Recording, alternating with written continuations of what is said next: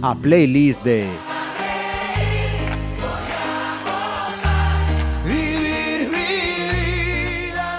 Saludos, vamos con la playlist, esa cita esperada en Pontevedra Viva Radio de los viernes. Y hoy tenemos una mujer que desde hace, pues eh, se lo estaba preguntando ahora mismo, mm, escasamente un mes, es la nueva portavoz del PSDG-PSOE en el hemiciclo gallego, la pontevedresa Patricia Vilán Lorenzo. Bienvenida. Gracias. Me imagino que después de la vorágine electoral ya más tranquilos, ¿no? Sí, ayer y antes de ayer tuvimos el último pleno y se relajó, esperemos que se empiece a relajar un poquito más. Todavía nos queda un pleno la semana que viene, no la siguiente, y a partir de ahí eh, se relajará la actividad parlamentaria y a lo mejor reanudamos en septiembre, pero Ajá. no se sabe. Y a pleno rendimiento porque tenemos ya las autonómicas también. Por eso digo que a lo mejor caliente. reuniremos en- a principios del mes de agosto. Habrá un pleno extraordinario para fijar el techo de déficit que viene marcado directamente por, por Madrid eh, a nivel estatal y a partir de ahí todo indica que a finales de agosto, principios de septiembre, el presidente de la Junta disolverá el Parlamento, pero eso lo sabe él nada más, claro. Bueno, vamos a ocuparnos de, de Patricia. Vamos a dejar la política, la situación actual, que no es ajena a, a tu vida, en algún momento supongo que, No. que tiene que, que salir. Pero queremos conocer también esa otra parte de, de Patricia que, que no vemos habitualmente cuando te escuchamos en, en la radio, en la televisión, en, en la, en la prensa. Eh, como decía, pontevedresa de nacimiento y de toda la vida, ¿no? No, eh, ¿No? no. Yo eh, realmente nací en Vigo porque el hospital, Ah. el hospital donde nací estaba en Vigo, pero yo viví hasta los 14 años, viví con mis padres en Arcade. Ah. Mm, ellos son de allí, yo también soy de allí. Y a partir de los 13, 14 años nos vinimos a vivir a Pontevedra. Mis padres ya trabajaban aquí. Mi padre fue director del Instituto Valle Inclán y mi madre era, era maestra en la Xunqueira 2. Y a partir de ahí decidieron trasladarse a Pontevedra a vivir y nos, vivim- nos vinimos mi hermano, mis padres y yo. Y a partir de Ajá. ahí he, he vivido aquí, no, salvo una temporada en Santiago durante la carrera, siempre he vivido en Pontevedra. Pues fíjate, ya conozco un detalle más. Yo pensaba que Pontevedra nacía en Pontevedra y tus padres igual. Pues No, no, no, pues los, los cuatro, mi hermano vivió menos tiempo, pero los Ajá. cuatro vivimos allí. Ajá. De allí es prácticamente toda mi familia. Y, y además eh, di- dedicados a, a la enseñanza, algo que tú no has, no has mantenido, ¿no? No, la verdad es que estando en el instituto, eh, lo primer- la primera carrera que yo tenía en mente, lo primero que me, me habría gustado ser, Ujú. eh, era la arquitectura. Pero Anda. en el momento en que segundo, en segundo de bachillerato me encontré con la física, decidí que no era mi... No era no tuyo. podía ser lo mío, no podía ser lo mío. Y después siempre tuve en mente ser profesora de literatura española Ajá. y de lengua española, de las dos cosas.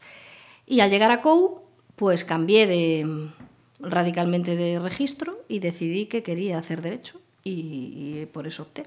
Y me- desde que acabé la carrera hasta que empecé a ejercer, pues me he dedicado a eso. Vamos con ese primer recuerdo musical, Patricia. ¿A dónde nos vamos y con qué vamos a comenzar esta playlist? Bueno, el- la primera canción que he seleccionado es El niño y el canario. Eh, mi padre tenía un, cuando yo era pequeña, tenía un magnetofón de estos eh, que tienen cinta, Sí. es como un cassette con, un- con, Con una las cinta bobinas. muy grande. Sí. Todavía lo tiene, creo. Y recuerdo que tenía esa canción en, el, en, en aquel magnetofón grande, tenía un micrófono, además podías cantar. Yo cuando vivíamos en Arcadia era pequeña lo usaba mucho y cantaba, cantaba con él, grababa sobre la misma, sobre el- sobre la misma bobina. ¿no? Y cuando nos vinimos a vivir a Pontevedra, con la mudanza, volvió a aparecer el, el magnetofón. Yo lo había, la verdad es que lo había olvidado. Y cuando vinimos para aquí, un día apareció, lo sacamos, pusimos el, lo pusimos a funcionar y apareció esta canción.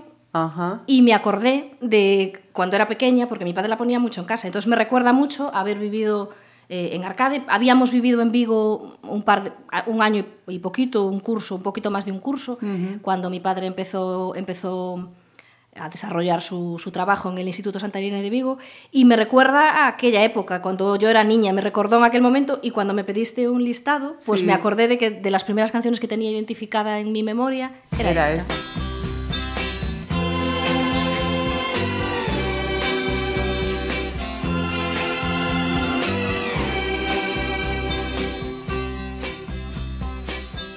Era el canario un primor y era su dueño un pequeño que velaba con empeño los cuidados del cantor.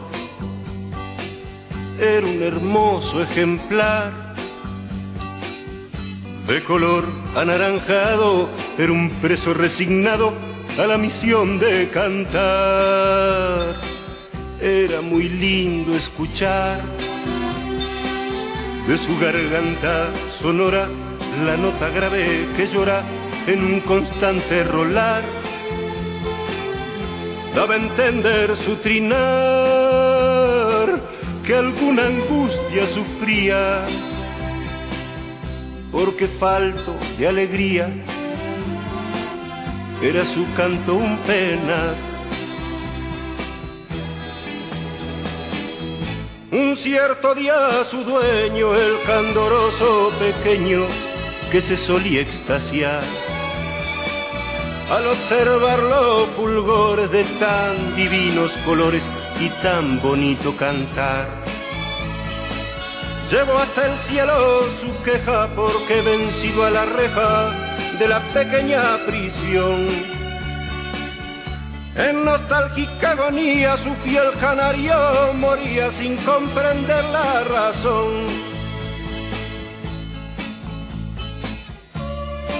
Preso de un hondo quebranto, sumió sus ojos en llanto y con infante emoción quitó de la jaula al preso, posó con su boca un beso sobre el rosado plumaje y en su mano temblorosa quedó dormida una rosa que tenía corazón.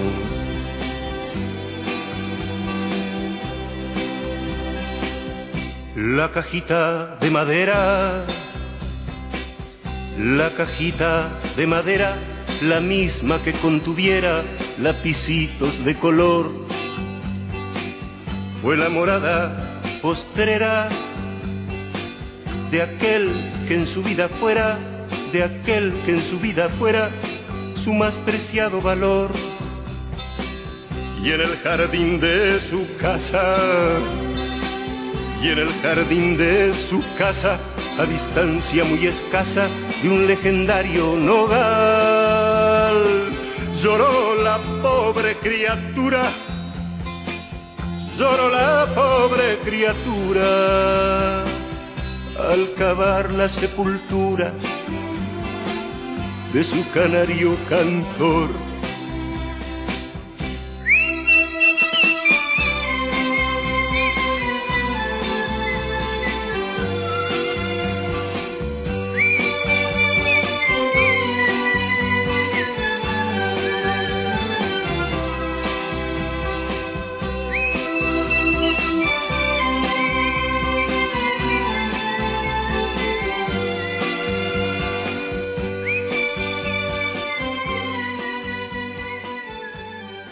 Pues eh, fijaos, toda, toda una reliquia. Sí, si aparece ese, ese magnetofón, sí, creo Patricia. Que, creo que sé dónde lo tiene. creo. Si, si, no lo tiró, que creo que no. Y además es algo que no se estropea, porque sí, sí, sí, esas lo... bobinas no, uh -huh. no, se suelen estropear, son como las cintas de cassette. Uh -huh. Y el aparato, mientras funcione, pues el micro, yo creo que el micro se perdió. Uh -huh. En algún momento dejó de funcionar o se perdió por el camino o algo, pero el, el aparatillo funcionaba perfectamente. Vamos, de hecho, lo pusimos, lo enganchamos y funcionaba. Y, y, y la canción apareció. Mi madre tenía canciones de María Dolores Pradera también en ese Ay, qué grande. las dos cosas. Uh -huh. Sí, señor. Las dos cosas. Y también, también es algo que tengo en la memoria, pero no podía ponerlas porque ya no me daba más. Sí, que conste que, que, a todos los invitados eh, el ejercicio más difícil que, que tienen que hacer es ese, la selección en 8 o 10 canciones de toda una vida, que como les digo, una vez que tenéis esto hecho, lo más complicado de la playlist ya está hecho, con lo cual eh, añadimos también, aunque no lo vayamos a escuchar, a María Dolores eh, Pradera en esta lista. Pues sí. Y, y la siguiente canción, artista, ¿a, a- a qué momento, a qué recuerdos eh, nos vamos? Pues la verdad es que yo creo que te, te- te lo di un poco desordenado, porque como era así me venía. A flashes, Así, ¿eh? así, pues fue un poco a flashes. Bueno, pues vamos saltando, que no está mal. Eh, no, seguimos con la, con la siguiente, que es eh, Susan de Leonard Cohen. Realmente es Leonard Cohen, no, no la canción elegí, elegí, elegí Susan porque es de las que más me gusta de Leonard Cohen. Ajá. Eh, me gusta mucho él, lo que representa es un, ya no solo como compositor y como cantante, que me parece un, un genio.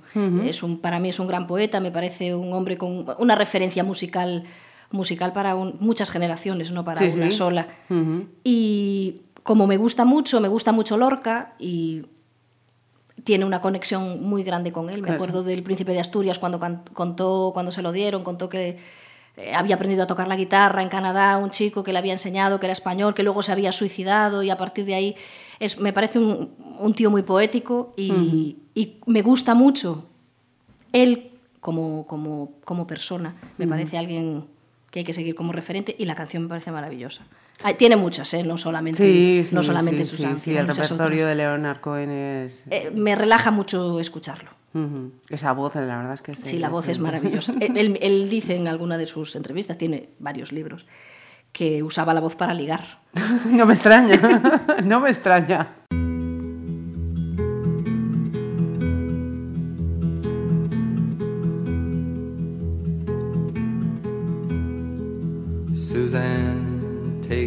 You down to her place near the river.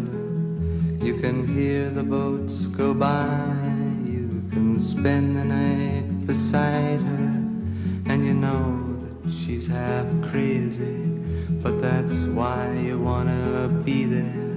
And she feeds you tea and oranges that come all the way from China. And just when you mean to tell her that you have no love to give her, then she gets you on her wavelength.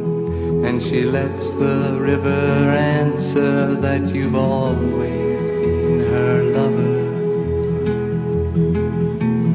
And you want to travel with her, and you want to travel blind, and you know that she will trust you, for you've touched her perfect body with your mind.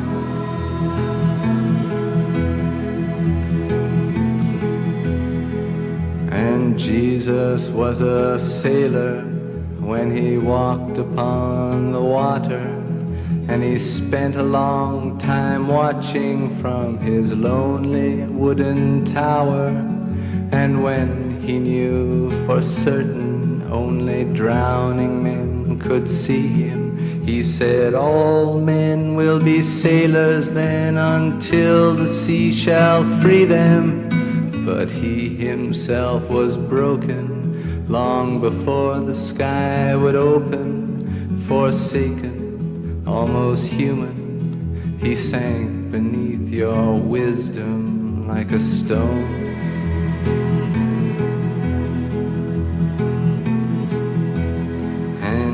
Want to travel with him, and you want to travel blind, and you think maybe you'll trust him, for he's touched your perfect body with his mind.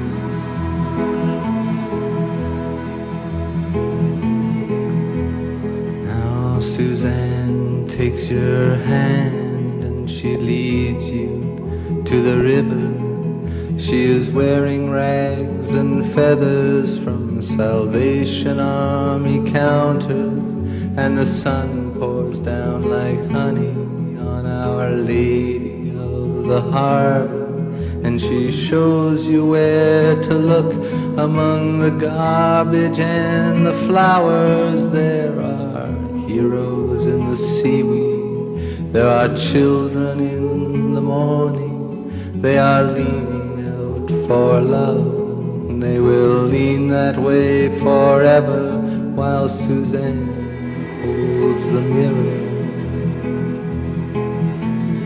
And you want to travel with her, and you want to travel blind, and you know you can trust her, for she's touched your perfect body with her mind. Eh, cuando estábamos hablando de, de Leonard Cohen, Patricia eh, nos ha señalado a, a García Lorca. De hecho, antes también nos decías que una de las posibilidades que te habías planteado era lo de la literatura española, ¿no? Eh, ¿Sigues con ese hábito, a pesar de que no haya sido eh, tu profesión final con, con el hábito de, de la lectura? ¿Qué lee Patricia Vilán? Poesía leo poca. Tengo tres o cuatro autores que me gustan, pero la verdad es que lo que leo fundamentalmente es, es prosa, eh, sobre todo, sobre todo novela. Hace mucho que no, mucho quiero decir, a lo mejor hace tres meses que que casi no no, coges puedo coger un libro. para poder Mm. leerlo con, con mucha tranquilidad. Leo mucha novela, que es lo que, lo que más me gusta, me, me sirve para transportarme a, a otros sitios. Ahora mismo estoy leyendo un libro que eh, tiene que ver con el, con el extranjero de Albert Camus.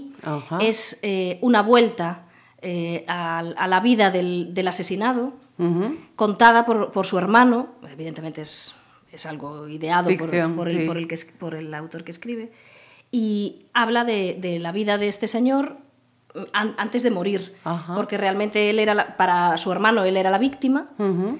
y sin embargo es un escritor, creo que es francés, eh, no recuerdo ahora mismo el nombre porque No, yo porque para los acuerdo, nombres de los- soy fatal. malísima.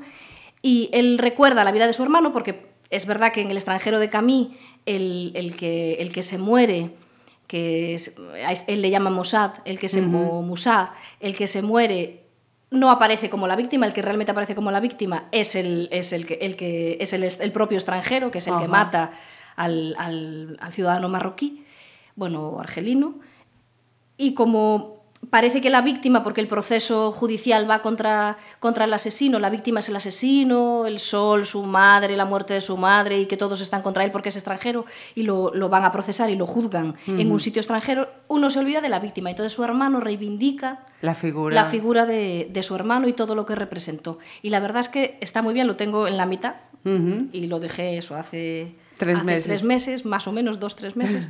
y es lo último que tengo ahí. Tengo varios. Me gusta mucho a mí Malouf, que es un escritor libanés y creo que prácticamente me he leído todo lo que tiene escrito. Es un, un hombre que, aparte de ser novelista, escribe, es, un- es articulista en, en muchos periódicos, vive en París y me- casi todo lo que, lo que me suele llamar la atención por, lo- por los ojos. Cuando llego a los sitios y, y veo, Sí. Eh, Esto. voy mucho a, la- a- paso mucho por varias librerías, no voy a decir los nombres, por varias, por varias librerías en Pontevedra y me gusta mucho pararme delante de, lo- del- de los estantes Sí. y en el momento en que, algo, en que algún libro me llama la atención le doy la vuelta y leo. Pero y si me gusta el argumento, pues me lo acabo llevando. Y leía mucho derecho, ahora leo muy poquitas cosas. La verdad es que leo poquito. Leo mucha prensa Ujú. Y mucho artículo de opinión Sí. de gente que me puede interesar. Ujú. Y la verdad es que me da rabia porque el- la novela me sirve para Desconectar. desconectar. Es mi momento, ¿no? Sí, es- Ujú. me da rabia. En verano leo mucho, leo mucho más. Sí, no suele pasar a... Pero durante el día acabo tan agotada que, no, que ni siquiera tengo... Ese- últimamente no tengo ni 10 minutos. Y mm, te, iba, te iba a preguntar, ¿papel o papel. formato papel? Sigo, sigo leyendo en papel. Eh, hay un libro que quiero conseguir que se titula París 1919, que encuadra ahí ese periodo de entreguerras y por lo visto fue el momento que marcó la Europa más reciente. Ajá. Pero no lo consigo, no lo, en papel lo hay, pero bueno, he intentado encontrarlo y de hecho algún amigo librero ha intentado buscármelo y se va en papel a 300, 400 euros de segunda mano. Oh. Y como no me pienso gastar ese, ese dinero en... Porque me parece, dado el tiempo en el que vivimos, me parece una salvajada que alguien se pueda gastar una barbaridad en... A ver, es un libro y el libro ayuda a todo, pero, pero no... es- hay cosas mucho más necesarias que leer un libro por 300, por 300 o 400 euros. Sí que se puede descargar en, a través de, de un... Sí, móvil o un- pu- lo que sea, sí. un ebook, pero yo no tengo ebook, entonces yo sigo leyendo en papel. Leo bastante en el tren. Yo Ajá. viajo a Santiago voy en tren siempre, voy y vuelvo en el tren y ahí cuando no tengo que trabajar, pues sí que si llevo un libro pequeño suelo leer leer en el tren. Lo que pasa que como llevo la, la cartera entre el ordenador, los papeles, la agenda, la llevo tan llena de cosas, a, a veces no llevo el libro, simplemente por no, por no leer, porque me cuesta, la verdad es que me, me cuesta. Pues tenemos aquí una pista. María es tu hija. Ana. Ana. Ana. Estaba yo con María, fíjate. Ana, Ana. Siempre tengo yo eso, María, María. María. Eh, ¿Cuáles son los otros tres miembros de la familia? Ana. Ana Miguel y, y Pablo, que es, que es el niño. Pues- y Lucas, que es el perro, que también, también es, también es Pues vamos a incluir a Lucas también. Acaba de daros una pista, Patricia. Para... ¿Cuándo es tu cumpleaños? El 26 de septiembre. Pues estáis a tiempo, ¿eh? La pista la acaba de dar, yo no digo más. Volvemos a los poetas. Decías antes eh, Leonard eh, Cohen como poeta y creo que tu siguiente selección eh, también tiene, tenía entre uno de sus eh, miembros, para mí al, al menos, sí que era también un, un gran poeta, ¿no? Antonio Vega. Sí, Antonio Vega y, y no tanto Nacha Pop como Antonio Vega realmente. Lo que pasa que elegí La chica de ayer porque sí que marca, para mí marcó un, un momento de, el momento de empezar la universidad eh, y ese, el cambio de vida. Ujú. Salir de Pontevedra, que es una ciudad pequeña. Encontrarse uno mismo ante Sí, la vida. eh, estar, tener que plantearte tú tu propia vida en un sitio que no deja de ser pequeño, porque yo estudié en Santiago, es muy parecido, la vida en Santiago es muy parecida a la vida en Pontevedra. En muchas cosas nos parecemos, nos parecemos mucho, pero sí que fue un cambio radical de, de registro, claro. Sí, sí, Pasar claro. de vivir en tu casa con tus padres a pasar a, a vivir en un colegio mayor tú sola sin conocer a nadie, porque yo me fui a un sitio donde no había nadie conocido. El cambio fue grande. Y la chica de ayer sonaba en casi todos los sitios y me recuerda a esa época de primero de carrera y la verdad es que Antonio Vega me parece también un referente. Para mí es un alguien que te, que te toca la fibra cuando, Sí. cuando lees sin necesidad de escuchar De la canción escuchar. ni la música, solamente con leer lo que escribe, para mí ya, ya, ya te hace, te conmueve, Sí, sí, sí. te emociona y Totalmente eso de acuerdo. para- bueno, es básico en la vida.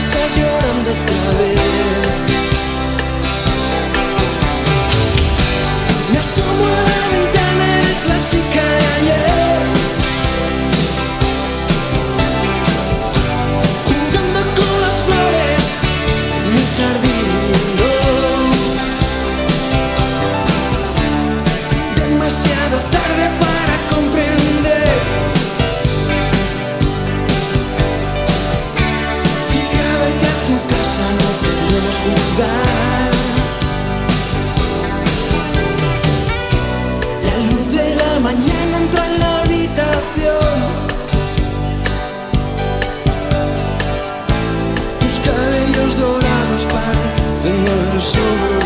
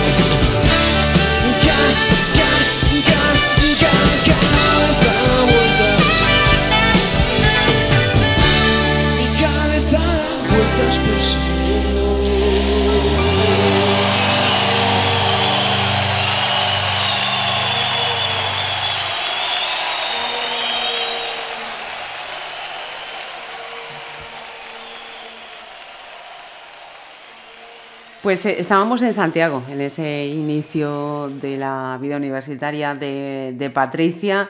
Eh, ahora mismo tiene una sonrisa completa. Eso significa que son años con muy buenos recuerdos, ¿no?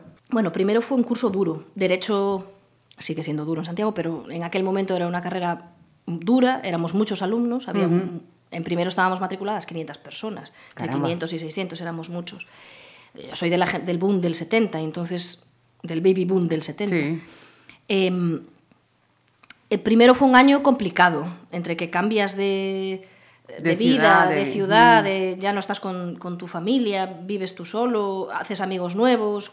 Co- Yo en, en clase tenía una amiga, pero no conocía a nadie más tampoco. Entonces al principio cuest- me costó. Y luego el hábito de, de estudiar. Bueno, yo siempre he sido, en eso he sido buena. Estudiosa. Buena, siempre he sido buena. He sido buena estudiante, nunca, nunca he tenido grandes problemas en eso, nunca me he ido a, a otro sitio. Pero sí que eh, el- la sensación de libertad Ujú. fue muy grande. Sí, sí. Y yo viví cuatro años en un colegio mayor, el último año lo viví en un piso con, con- con una, con unos ami- una amiga y su hermano y su primo. Pero el, el primer año fue, o sea, esos cuatro primeros años de colegio mayor y cambio y a- había fiestas, Ujú. Sí, fue... La verdad es que lo, lo tengo muy buen recuerdo, tengo muy buen recuerdo. De la carrera, el primer año, la verdad es que el recuerdo es duro, ¿eh? porque cambiar, pasar de estar en el instituto, te conoce todo el mundo, estás, Estás habituado a- al trabajo normal porque ya sabes cómo se hace, a pasar a tener exámenes uno antes de Navidad y todos los demás jugarte el resto a to- a- de las cuatro asignaturas, jugártelas a final de curso en el mes Caray. de entre mayo y junio, eh, pues te, te, a- te obliga a habituarte a un ritmo de vida que no es el ritmo de vida normal, a estudiar sin nada, sin perspectiva muy, muy Sí, cercana. próxima. Y entonces eso o te despista mucho o simplemente te obliga A centrarte, a centrarte y organizarte. organizarte. y- Ujú. El primer año fue bastante duro, la verdad. No me fue mal, pero fue duro. Después no, el resto fue muy bien. el resto fue muy bien. La última canción que hemos escuchado son eh, Chapop, un grupo de los míticos, ¿no? De, de los eh, 80 en de la movida de los 80 en, en España. Y la siguiente selección creo que también va por ahí, ¿no? Sí, yo soy muy popera, tengo que reconocerlo. Pero Sí. lo llevamos bien, Sí, yo lo, lo, yo lo lo llevamos bien. Muy bien, muy bien. Eh, el, siguiente son Los Secretos y es, yo diría que de los grupos españoles es mi grupo preferido. Ajá. El otro día me decía mi hija que había coincidido con una amiga que está con ella en su clase y bueno y además mi hija hace ballet y, y coinciden también en ballet y, y esta chica esta niña tiene un hermano que toca que toca en un grupo Ajá. y tocan versiones también de, de Los Secretos. ¿no? Es un, El hermano tiene 18 o 19 años. Y me decía, llegó a casa y me dijo, mami, mami, me dijo Sofía que su hermano eh, le habló de los, de los Secretos y ella estaba cantando una canción de Los Secretos. Le dije, ah, es el grupo preferido de mi madre. y para ella fue todo ¿Cómo suena eso, un no? Me gusta, claro, yo pensé que vieja soy, porque me lo dijo. Dije, Dios, qué mayor, qué mayor, no pensé, qué vieja soy. La chica de ayer es una selección, o sea, la, la buena chica es una selección de Sí. una al azar entre muchas otras. Hay muchas canciones de Los Secretos que me gustan. Conste que me alegra, ¿no? Que hayas eh, seleccionado eh, ese tema, porque para mí, mm, yo los secretos es la, la parte más tranquila, y tal, tal, y luego la parte más movidita. Y este Buena Chica está entre uno y otro, Sí. ¿no? Ni es de los más... No eh, es de los de, de los de Mm, llorar sí, sin parar, que también es un poco es una- un grupo que incita un poco al suicidio, porque las canciones son un poco para eso. Pero aparte de las movidas, sí que es verdad que hay una intermedia. Cuando nació Pablo, Ajá.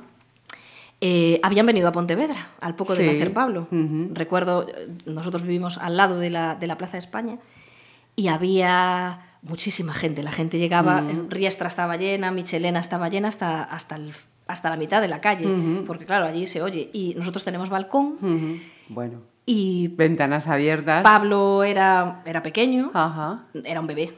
Y yo no pude ir al concierto porque todavía le daba de mamar y entonces tuve que quedarme, que quedarme con él en casa. Y abrí el balcón y le di de mamar en el balcón mientras los, los secretos estaban, bueno. estaban tocando. Se oía mal porque, claro, no- el sonido no viene igual. Pero dije, yo no me puedo perder parte del concierto, parte del concierto de estos señores. Sí, señor. Y allí me quedé sentada con el niño, con el niño encima.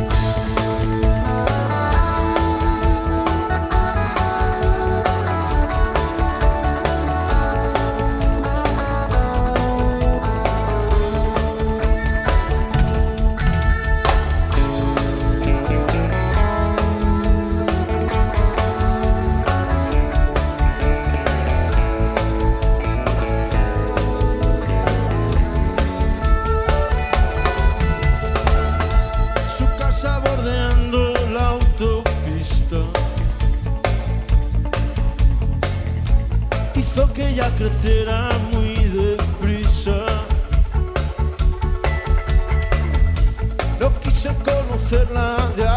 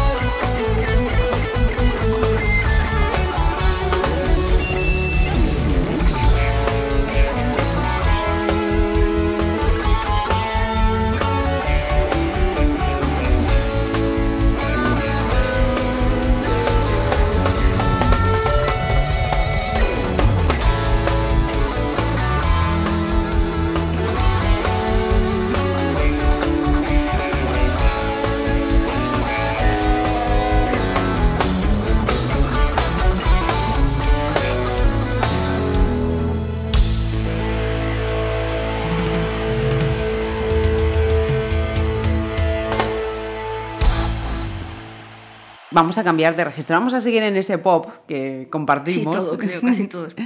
Pero nos vamos a. También un tipo muy, muy particular, ¿no? Como era Michael. Ha- el apellido dificilísimo Sí, de, de, de Hanel o una cosa así, ¿no? Pero aquellos rizos pelirrojos, vamos, eran simple y red, total y absolutamente. ¿Y este grupo cuándo lo conoces? ¿Por qué te gusta? ¿En qué momento? Pues también eh, yo creo que este fue más eh, sobre en COU. Eh, yo tenía un novio en COU que me regaló un disco de Simply Red y Ajá. curiosamente yo no tenía tocadiscos. Bueno. En mi casa, en mi casa había magnetofón, pero no teníamos tocadiscos. Y me regaló, claro, él no lo sabía. Ajá. Y me regaló, a mí me gustaba, me gustaba mucho esta canción, Stars, me encantaba. Y sabes que cuando, ah, bueno, la gente evidentemente tiene radio, pero casi todo el mundo lleva la música encima en el, en el MP3, móvil o el MP3 o en ujú. casa o en el propio coche. Sí. Pero antes no, antes teníamos cintas de cassette. Ujú. Y todo el mundo se iba a la radio, grababa. Las muchos grabamos sí, las canciones sí, directamente sí, del cassette. Y teníamos las canciones en cassette. Nosotros no teníamos tocadiscos, teníamos eh, aparatillo de cassette, pero no tocadiscos no. Y claro, él un día llegó, sabía que me gustaba mucho la canción y llegó con, Con el vinilo. Con el vinilo. Y yo no me atreví a decirle que no tenía tocadiscos. porque lo había hecho con tan buena voluntad que... A ver quién rompe esa magia. Le di las gracias y Ah. llegué a mi casa y dije...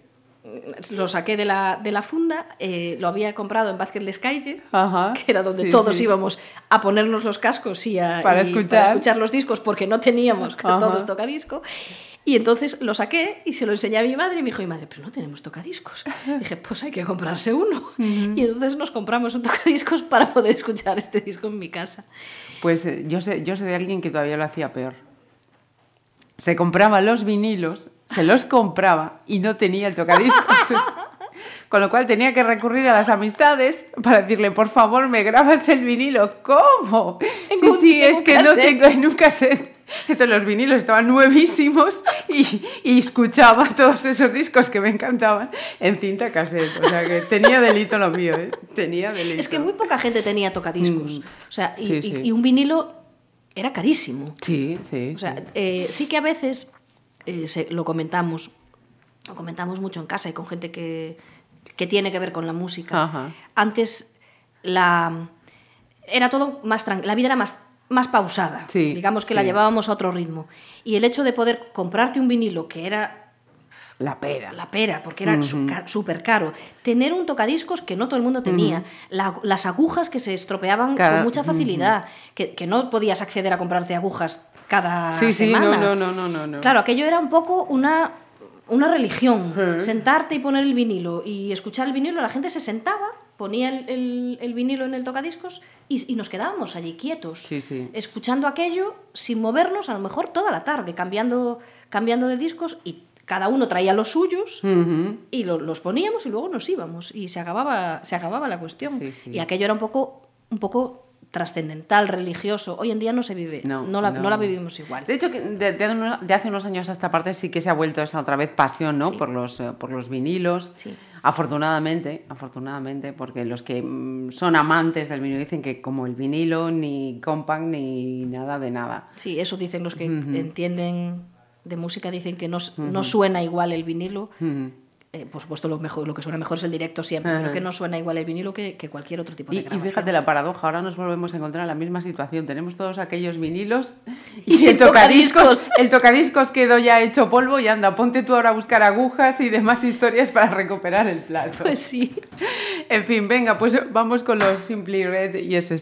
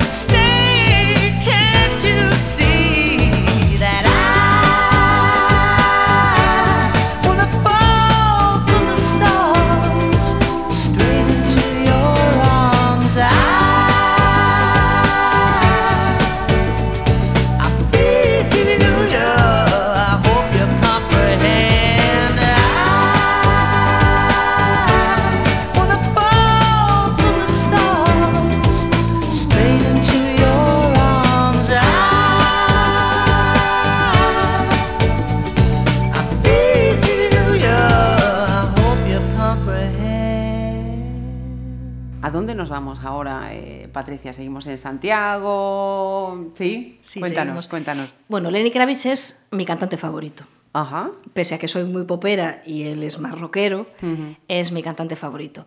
Eh, lo descubrí en Santiago, casi casi al final, a mediados de carrera, mediados final de carrera. Tenía una compañera que, que tenía, ella vivía en, vivía en Santiago, en el Colegio Mayor, pero tenía un novio que vivía en Barcelona Ujú. Y había habido un concierto, iba, a haber un concierto de Lenny Kravitz en, en Barcelona y ella había venido obnubilada. Y entonces llegó y dijo, bueno, fui a este concierto, es impresionante, este hombre es impresionante, me encantó la música, tal. Y yo me quedé, nos puso la canción, nos puso Mama Set, y entonces conseguí el, el vinilo, me lo compré y lo tengo todavía, lo tengo todavía en casa. Me gustan todas sus canciones y tengo, tengo prácticamente toda su obra, me gusta mucho. Tengo varios vinilos suyos Ujú. y, y CDs también. Me... eh, Es mucho más cañero de, lo que, de lo que soy yo, pero me identifico mucho con, con la música que hace. ¿Tuviste ocasión de verlo como tu amiga no, en directo? No, no, nunca, nunca he tenido la oportunidad de verlo en directo.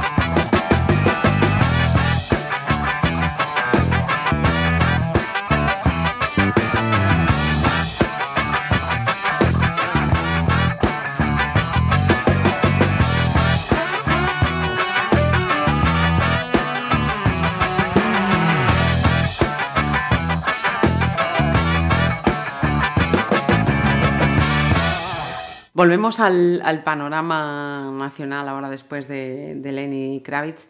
¿Qué tendrá este artista también que numerosos de los invitados a esta playlist siempre me seleccionáis algo de Sabina? Eh, yo creo que tiene lo mismo que decía antes de Leonard Cohen y de, y de Antonio Vega.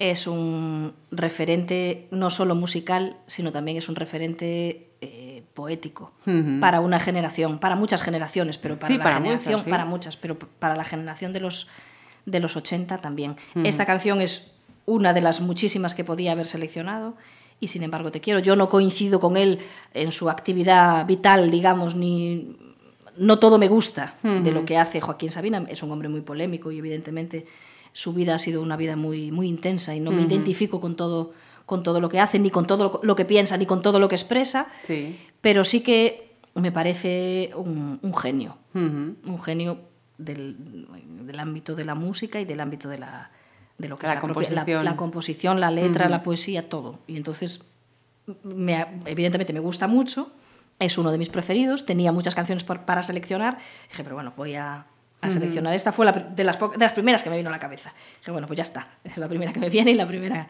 la primera que pongo.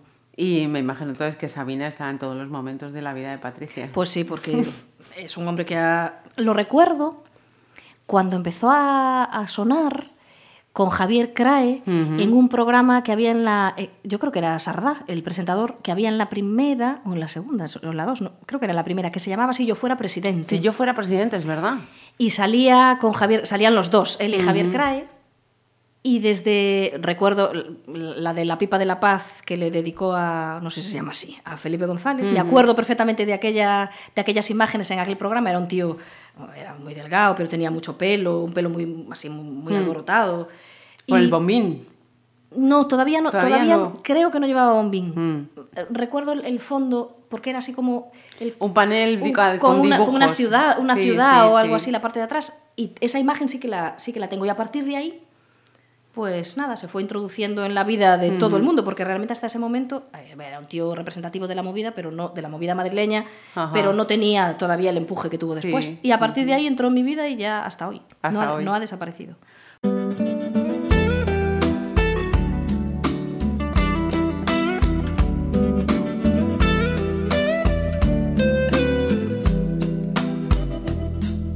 De sobra sabes que eres la primera, que no miento si juro que daría por ti la vida entera, por ti la vida entera.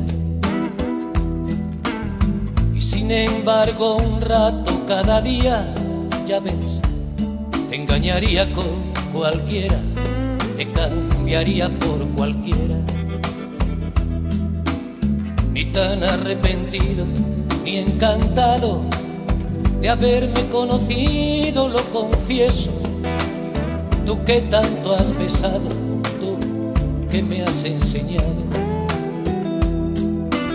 Sabes mejor que yo que hasta los huesos solo calan los besos que no has dado, los labios del pecado. Porque una casa sin ti es una emboscada. El pasillo de un tren de madrugada, un laberinto sin luz ni vino tinto. Un velo de alquitrán en la mirada. Y me envenenan los besos que voy dando. Y sin embargo, cuando duermo sin ti, contigo sueño y con todas si duermes a mi lado Y si te vas, me voy por los tejados como un gato sin dueño, perdido en el pañuelo de amargura que empaña sin mancharla tu hermosura.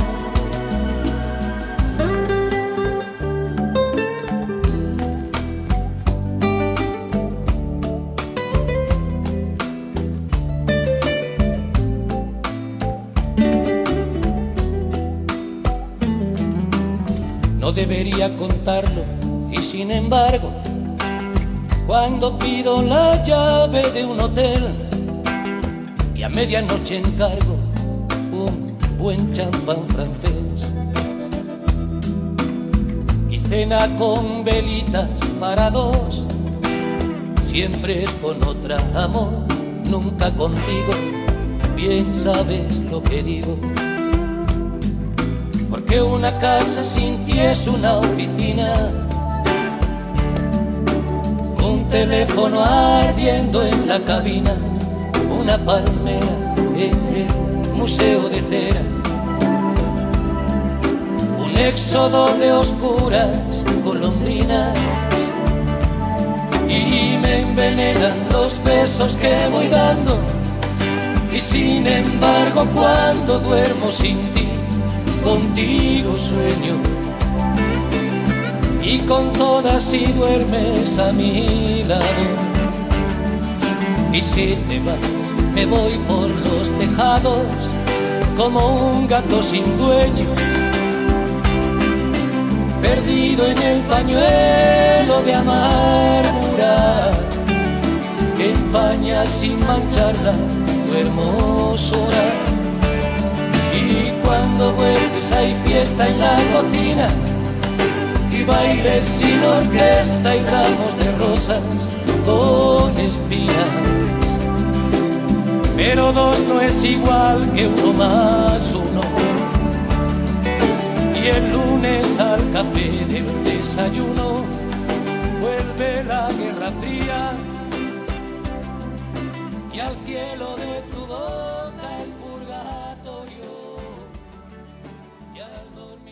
Pues que conste que hemos hecho un poquito de trampas. Estábamos escuchando a Sabina, pero al mismo tiempo estábamos eh, preguntándole al señor eh, Google cómo se llamaba el periodista que presentaba, Fernando García Tola. Fernando García Tola, que no era Javier Sardá. Javier Sardá era el de- los gallifantes. Efectivamente, efectivamente. Los... Buen hombre, cuánto tiempo, aquellos domingos, viendo, viendo a aquellos niños con Sí, los nos está saliendo un programa un poco nostálgico, Marisa.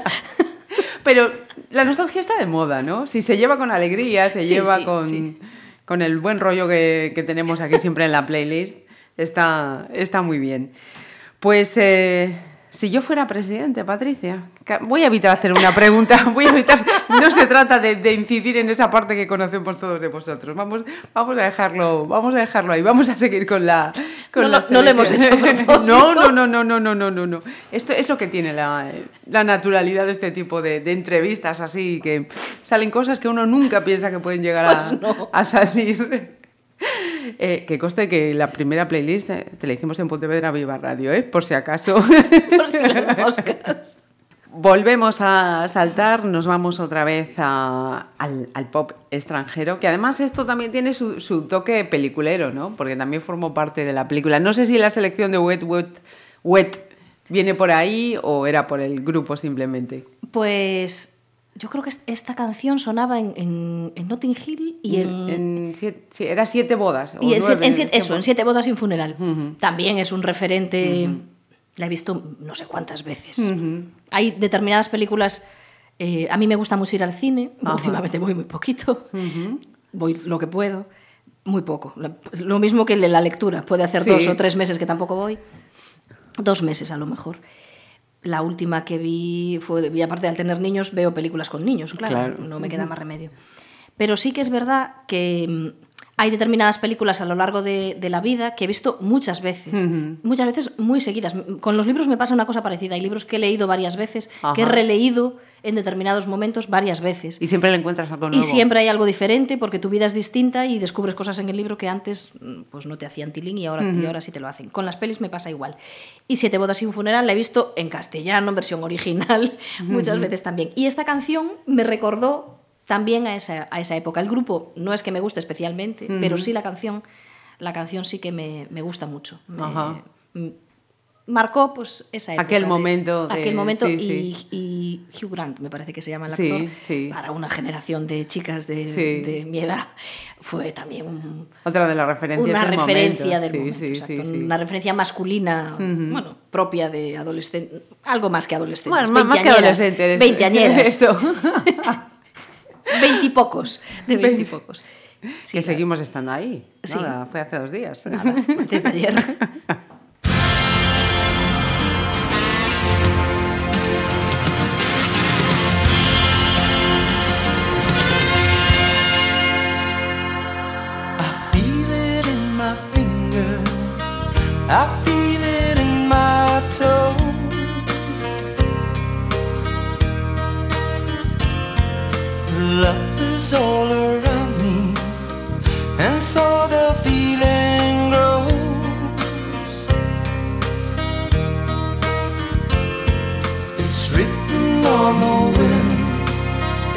It's everywhere I go.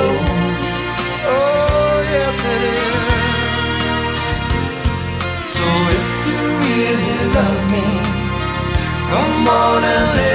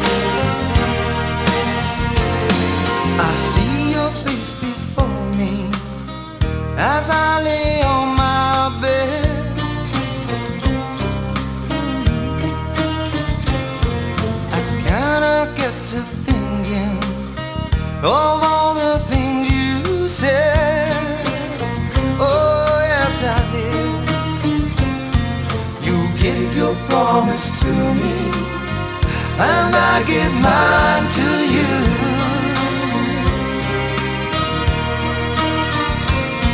I need someone beside me in everything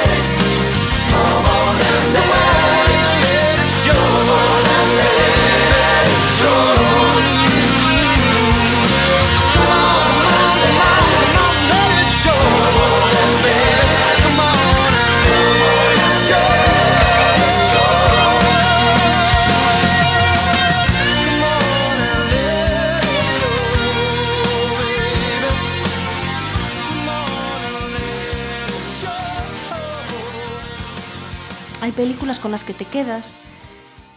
La verdad es que es, es muy curioso, que te quedas con ellas en la cabeza y que realmente te quedas con los personajes y te acompañan de- al salir de la película.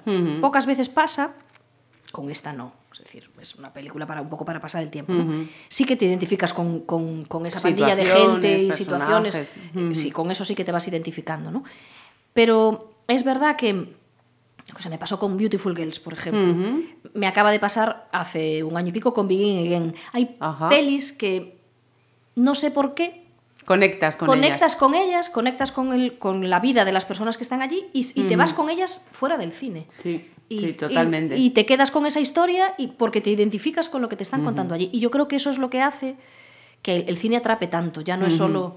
Bueno, hay gente que va por, por la banda sonora, por la imagen, por la fotografía, por todo, por el encanto que tiene ir al cine, que no es para nada comparable a ver las Sí, películas en cualquier otro nada. sitio. Es como lo de los vinilos. Sí, sí. Pues esto es lo mismo. No, no es nos- nostalgia, es que No, el cine pantalla- es en sala. Exactamente, el cine es en sala con pantalla grande. Y a ser posible sin palomitas y sin que nadie tenga el móvil, el móvil encendido y chatee y, y sin que nadie abra una bolsa que haga ruido. Es decir, eso es, El es ir al cine y meterte en, en ese, en ese ambiente y salir con esos personajes en la cabeza. Sí, sí, Y hay pelis que lo consiguen. Cuando, cuando se consigue eso, vamos, es grandioso. Chapo, sí. Es grandioso. Sí. El, olivo, te recomiendo el olivo. Tengo, Eh, es- ya no, la están, tiene es que no la- no están poniendo en O cine. Me gusta mucho Iciar Boyaín, pero... O te aborrece y te quedas pero a mí, a mí pero- me gusta mucho su cine, con lo cual es posible que me guste. Y ella, ella me gusta mucho también, me parece una tipa de las de... A tener en cuenta y sí. Y a reivindicar. Por cierto, mm, Patricia, una mujer reivindicativa 100%, ¿no? Pues la verdad es que sí, incluso a veces demasiado reivindicativa, diría yo. Mira, te voy a contar algo que poca gente sabe porque ocurrió ayer. Eh, no, poco hablamos de política, pero esto no tiene que ver con la política, tiene que ver un poco con la buena educación. Ayer en el Parlamento eh, vinieron los trabajadores de una empresa que se llama SEAGA, que tiene que ver con la, Ajá. con la prevención de incendios. Tienen problemas, muchos problemas económicos, eh, tienen discusiones eh, ju- judiciales con la Junta de Galicia y mm, vino, hubo varios grupos parlamentarios, fue al final del pleno, eran las ocho y media de la tarde, cerca de las nueve. Otros grupos de la oposición preguntaron a la consellera de Medio Rural pues por el incumplimiento de los pagos de SEAGA. Y los trabajadores, había 10 o 15 trabajadores en la tribuna, estaban muy nerviosos. Desde, yo desde donde estaba sentada antes no, los, no veía al público, tenía que avanzar un poco para poder verlos. ¿no? Ahora, desde delante de todos se les ve perfectamente. ¿no? Y notabas la tensión y que estaban muy nerviosos. Se comportaron perfectamente durante las preguntas que se le hicieron a la consellera. Ninguno levantó la voz. Sí, está, de vez en cuando se levantaban, pero notabas la tensión, pero eh, fueron muy educados. ¿no? Y en un determinado momento, eh, cuando ella ya acabó, no contestó lo que, lo que ellos esperaban, porque hay personas que van al Parlamento creyendo que su asunto se va a solucionar allí. Es como, la- como las personas que van al juzgado Ajá. creyendo que les van a solucionar el problema. Sí. Y a veces la solución no es la, la solución, digo en el juzgado, la solución que la gente quiere o que la gente Espera. idea o desea. En el Parlamento no es nunca porque las respuestas suelen ser tan genéricas y tan impersonales que al final se van con la sensación de que aquello que se hace allí dentro no sirve absolutamente para nada. Y esta señora, cuando acabó, la consellera, cuando acabó de, res- de responder, eh, ellos, claro, como no les gustaba lo que les estaba diciendo, ni siquiera les coincidían las cantidades que les debían, se empezaron a poner muy nerviosos y entonces empezaron a gritarle, sobre todo uno, dijo, es que ni siquiera te reúnes con nosotros, reúnete con nosotros. Tiraron panfletos a los diputados del PP que estaban debajo. Y ella pasó por, estábamos mi compañero Emilio Vázquez y yo, pasó por delante de nosotros riéndose ¿no? y haciendo un comentario, la verdad es que no lo recuerdo bien, más o menos como eh, pues lo que tengo que aguantar aquí dentro, o encima tengo que aguantar estas cosas, algo así, ¿no? Sí, sí. Y como se y riéndose de, de lo que estaban haciendo, vamos, de, de ellos, tal cual. Y entonces eh, yo le dije, hombre, lo- por lo menos, algo así, le- fueron mis palabras, por lo menos no te rías, porque me parece una falta de respeto. Y siguió riéndose hasta que avanzó por el pasillo, abrió la puerta y se giró a mí, yo seguí mirándola, y ella a mí, porque la distancia es muy corta, se giró y me dijo, "Em, a lo mejor, no me dijo me río de ti, a lo mejor eh, te río a ti. Me dijo, a lo mejor te río a ti. Y en ese momento, por eso esa vena reivindicativa que tengo, le llamé sinvergüenza. Sin más. O sea, me quedé mirándola y le dije sinvergüenza. Porque me parece una falta de respeto muy grande bueno, ya no solo por la Cámara, porque ella es una consellera, nada más, no es diputada, por lo tanto es una señora a la que han puesto a dedo en un determinado puesto, no es nadie de la, de la Cámara, nadie la ha elegido eh, Para estar ahí. popularmente para estar ahí, la ha elegido el presidente de la Junta y punto, nada más. Pero ella tiene una falta de respeto muy grande por esos señores y señoras que lo están pasando muy mal, da una respuesta que no gusta, ni siquiera los recibe y lo que no puede hacer es salir riéndose de ellos y riéndose de los demás. Sí, sí, la sí. presidenta, bueno, la vicepresidenta que estaba en funciones porque el presidente no estaba, se puso muy loca y bajó gritando, menos que acabas de hacer algo gravísimo. Y dije, no, la que acaba de hacer algo gravísimo es esta señora, que se ríe Ujú. de las personas que vienen aquí que quieren que ella les dé una solución, que para eso está, además no está para otra cosa. Sí, sí, sí, sí. Y me salió, ahí me salió la vena reivindicativa. Yo siempre me porto bien, hace casi cuatro años que estoy en el Parlamento, nunca me han llamado la atención, no tengo ninguna llamada al orden porque creo que la Cámara merece un respeto, y lo, pero lo que no tolero es que haya personas que no entiendan que la Cámara merece, Merece. un respeto y que las personas, primero, antes de nada, merecen un respeto. Eh, cuando, cuando yo empecé a ejer- a ejercer la carrera, mi, el, el abogado que, que me sirvió de referencia, estuve con él en, en el despacho, que es Eloy Artime, que fue el decano del. Colegio de Abogados de Pontevedra, siempre me decía, no hay enemigo pequeño, tu compañero, tú lo tienes ahí enfrente, tú vas a llevar un asunto, él va a llevar un asunto, nunca menosprecies al que tienes enfrente porque a ti te puede salir muy bien, a él muy mal, y al final el resultado sea que le den la razón a, a él y a ti no. Y sobre todo tu compañero siempre va a ser tu compañero. Al margen, los clientes cambian a lo largo de la vida, pero Sí. tu compañero siempre va a ser tu compañero y siempre lo puedes necesitar el día de mañana para algo. Y eso es verdad. Cierto. El respeto no se puede perder nunca. Y cuando alguien lo pierde, merece que otra persona le diga algo. Y yo, en aquel- aquí, a mí espontáneamente me salió, Sí, sí. me, me salió llamarle sinvergüenza. Y se lo llamé. He dicho, no hay más. Pero se lo llamé por la, por la Sí, falta de sí, respeto sí, que tenía, no por otra cosa. Porque me pareció que no es tener muy poca vergüenza y muy poca clase y muy poca categoría. Pues eh, hecha esa, ¿ves lo que yo decía? Reivindicativa 100%. 100%. Vamos ya en la penúltima selección. También seguimos eh, por otro de los grupos míticos de, de- de esa generación. Que cuéntanos, venga, yo ya no digo más. Bueno, es Lucy My, My Religion, que sí que es una religión de, de Rem. Eh, a Rem lo tengo, pues en la, en la- en- yo creo que en el mismo abanico que los demás. Es los años 80, la, la música que... pop. Sí, salías y Rem y, Y sobre sonaba. todo esta canción. Era... Más entre 80 y 90, porque sí, Sí. que ahí ya fue Sí, 90, yo más también. cerca de los, de los 90. Es, eh, yo creo que de esos años es la canción que más sonaba, Sí, de los que más sonaba en, la radio. Este hombre, el cantante tiene una voz maravillosa que te engancha al segundo. Tiene muchas canciones, pero también es la época de la universidad, eh, de ese cambio de vida. Y mi padre es profesor de inglés y entonces, bueno, tengo. A mí siempre se me ha dado Bien. bien se- siempre se me han dado bien los idiomas. Y eh, es un grupo británico y la cómo canta, las canciones, la, cómo suena la, la letra en inglés, siempre me ha gustado mucho. Ajá. Para mí es. Y es verdad que lo que, lo que, lo que dice, buscando mi religión, yo no, no soy religiosa, o sea, no tengo creencias religiosas, no, no las he tenido nunca prácticamente, pero sí que es verdad que todos buscamos una religión en, en nuestra vida, que no tiene nada que ver con la religión como religión, sino que todo- todos buscamos un referente y un, bueno, una meta. Sí, sí. O, va- o vamos variando de metas a lo largo de la vida y, y eso fue lo que, lo que Sí, lo o la vida te va variando de metas. Eso también, sin duda alguna. Pero si no estás en el sitio adecuado, nunca vas a tener la oportunidad de, de ver metas diferentes. Cierto, también es verdad. El azar, yo creo que el azar no existe. El azar lo- uno lo va construyendo a lo largo, a medida que va caminando. Y van surgiendo. Las cosas surgen, evidentemente, tú no las manejas todas, ni mucho menos. Buf, vamos con Rem.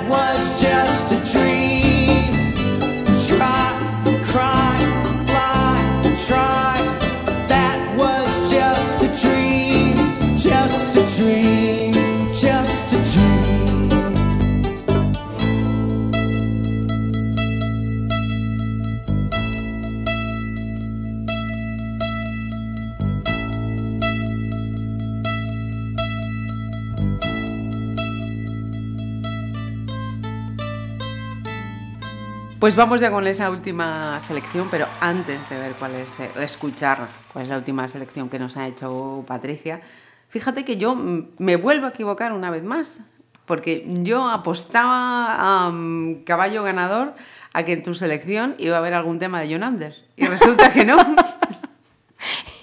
Jonander es mucho más cañero que yo incluso. Me gustan algunos temas, ¿eh? Eh, O de música folclórica, que también te Sí, ha gustado mucho, que sí. yo también los sé, y has estado de hecho- ahí y tienes... La primera entrevista que... Esta es la segunda que tengo con Marisa. Sí. Pero la primera entrevista que hice con Marisa Ciordia fue hablando de, de folclore, precisamente. Sí, es verdad. No me acordaba. Sí tengo la imagen, es cierto. Sí, la, el- la música tradicional me gusta mucho. Creo que Galicia tiene un patrimonio cultural, musical, eh, folclórico que tiene que ver con la forma de vestir con, de una determinada época que no es porque vivamos aquí, pero no tiene absolutamente nada que ver con casi todo el resto del Estado español. El noroeste peninsular, el norte y todo lo que tiene que ver con, con la raya, León, la- el norte de Portugal, Salamanca, esa, esa zona, Extremadura, es muy rica folclóricamente. Eh, nosotros quizás va a sonar pedante, pero me da igual. Creo que tenemos el folclore más rico de todo el territorio, de todo el territorio nacional, en todo, en todo. Eh, quizás la orografía también es importante. Hay zonas de montaña donde la gente, la única forma de diversión que tenía precisamente era esa. Luego la, la parte de- del mar, que eh, emigramos, somos un pueblo complejo en eso. Y folclóricamente sí que hay un determinado momento de nuestra historia que es riquísimo. Y yo estuve metida en, en Sí, sí, es que yo recuerdo, yo aprendí lo que era un serán en aquella entrevista, lo que era ir a recoger también en aquella entrevista. Y efectivamente, un momento- es una profunda conocedora del folclore gallego. marcó un, un momento de mi vida muy, muy importante y muy intenso. Durante un, no sé, 20 años, a lo, 20 no, pero 15 años de mi vida, dedica- dediqué una parte muy importante de mi vida a, a ir a recoger menos. Mi, cu- una, mi cuñada y uno de mis cuñados sí que se han dedicado a eso y realmente son un referente, un referente en, en, en eso. Son María Vidal y Pichi Abollado, son un referente para los, para los folcloristas, no solo gallegos, sino también nacionales. Y yo no, to- yo no toco, pero sí he bailado mucho Sí, sí. y me sigue, me sigue gustando, gustando mucho. Sigo teniendo el, el trajes en mi casa. Hace muchos años que no me he visto, pero sí que lo sigo teniendo y, y creo que es importante o sería muy importante que el folclore, que esa época se recogiese bien, se conservase bien y que se siga viviendo en la calle, eh, igual que descontextualizada totalmente, porque el, el folclore nació para un sitio determinado, en un determinado momento la gente no iba vestida con esos trajes a la calle, eran trajes de boda, los trajes de gala eran trajes que se llevaban en las bodas, no se usaban para trabajar ni para la vida ordinaria porque era imposible trabajar con aquello ni vestirse así. Pero sí, sí que creo que es importante mantenerla y es verdad que tengo, hay muchas coplas que, que han marcado mi vida y, y mucha música que ha marcado mi vida, es cierto. No elegí ninguna porque no tienen autor Sí, sí. no tienen autor, realmente el autor ah, fueron, eran todos. Y sí que ahí hay mucha poesía, muchísima. Mucha, mucha, mucha inteligencia y mucha poesía. Sí, es Yo no verdad. quería pasarlas por alto. De hecho, Porque son parte de eso, de tu vida. sí, son ti. parte, es una parte de mi vida muy, muy importante. Muy Ujú. importante. Dediqué muchas horas, muchas horas al, al folclore, a, a eso, al estudio, a, a, tra- a la transmisión, a que otra gente conociese. Yo creo que duró, bueno, unos 10 años, pero Gandaina en, en Pontevedra fue un referente, un referente del, de entender el folclore de otra manera. Y yo soy, junto con, con Miguel Vidal, su hermana María, Pichi Abollado y yo, pues fuimos los fundadores De los Gandaina, fundadores de. Gandaina en, en Pontevedra, es verdad. Y cada vez que suena, pues el, antes de ayer, que fuimos a la, me tocó ir como portavoz a la entrega de las medallas Castelao, Ajá. eh, le dieron el premio, uno de los, una de las medallas, se la dieron a Cantigas, a Cantigas da Terra, Ajá. al, cro- al coro. Y bailaron allí un chico y una chica, mientras ellos cantaban, y la verdad es que a mí se me iban los pies. Voy a hacer así un, un pequeño asalto a, a Patricia, ya que estamos hablando del tema folclore. Un tema que pudiésemos meter en este momento. Pues hay un grupo que marcó eh, ese momento en el que el folclore gallego empezó a renacer y se empezó a, a dignificar, que es Leilía. Un grupo de música. Hay muchos grupos grupos de, que se dedicaron a la música y al baile. El referente en, en Galicia es Sacarandaina de, de Coruña, pero Leilía marcó musicalmente el inicio de la dignificación del folclore, del folclore en Galicia. Y hay una canción, eh, hay muchas, son, realmente no son canciones, realmente son coplas que eh, la gente ideaba, tienen que ver mucho con, con la retranca gallega, con el amor, con las relaciones entre, entre las personas, que es realmente a lo que se refieren, y que son coplas que se repiten a lo largo de toda la orografía gallega. Eh, una de las canciones que quizás marcó más eh, un determinado momento de mi vida es, se llama Palmira, pero es, eh, tiene que ver con, con el pueblo de Ascortellas en, en la zona de Soutomayor, y que mm, Leilía, de Leilía tengo una imagen, tengo un, un determinado momento cuando yo estaba, yo, yo estaba en Santiago, debía de tener 20, 21 años, 20, por ahí 21. Ellas dieron un concierto en la Plaza de Quintana en el mes de mayo, mayo-junio. Y yo te- eh, tenía los exámenes finales y yo supuestamente no podía haber ido a ese concierto. Yo estaba en mi casa, estaba aquí en Pontevedra estudiando y me fui diciendo que tenía, estos mis padres no lo saben, mamá, papá, y me fui a Santiago diciendo que tenía que tenía un examen, no sé qué, y no era cierto. Yo iba al concierto Al- de Leilía a la Quintana y a eso fui. Allí, allí estuve viendo el Y concierto. mereció la pena. Y mereció la pena, sí, mucho. Siempre merecen la pena. Ujú. Palmira, lara, palmira, palmira, lara, tras, tras, palmira, lara, palmira, roba el rapaz, roba el rapaz, roba el rapaz,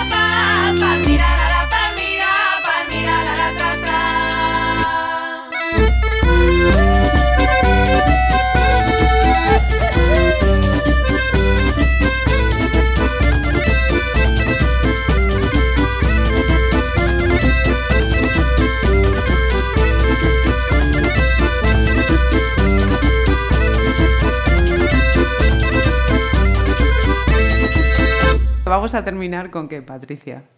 Pues con, con Copenhague de Vetusta Morla, que es algo, también, no deja de ser pop. La gente dice que es indie, pero bueno, es por llamarlo de otra manera, porque ahora a todo lo llamamos con, con eufemismos y, con, y con palabras que no son nuestras, pero no deja de ser pop también. Es más reciente y Vetusta Morla me gusta. Eh, me parece que, bueno, que hay que tenerlos en cuenta. Entra dentro de mi, de mi registro musical. Y la canción me gusta fundamentalmente por lo que cuenta y cómo lo cuenta. Es quizás un cambio, un cambio de vida y, bueno, eso que tiene que ver con el azar que decíamos antes. Sí. Pues eso es lo que representa. Estamos ya con la Patricia Actual. madre familia, dedicada a la política. Sí, es ya más la vida, la vida más De hoy. Más de hoy. Y la, la cogí como última. Dije, bueno, tengo que coger algo más reciente y que identifique un poco mi vida, mi vida, este mi vida del momento, no dedicarme a los años 80 y 90, que evidentemente han sido importantes, pero no tanto, claro. Sí, porque oye, son, son a- no son son los el, de ahora. el pozo, el Sí. pozo, un pozo muy importante de, de la Patricia Vilán Lorenzo de hoy. Sí, sí, sí, sin duda, sin duda. Pues Patricia, que ha sido también, como en aquella primera ocasión, todo un placer y que ya sabes, Pontevedra Viva tiene las puertas abiertas para ti. Gracias, Marisa.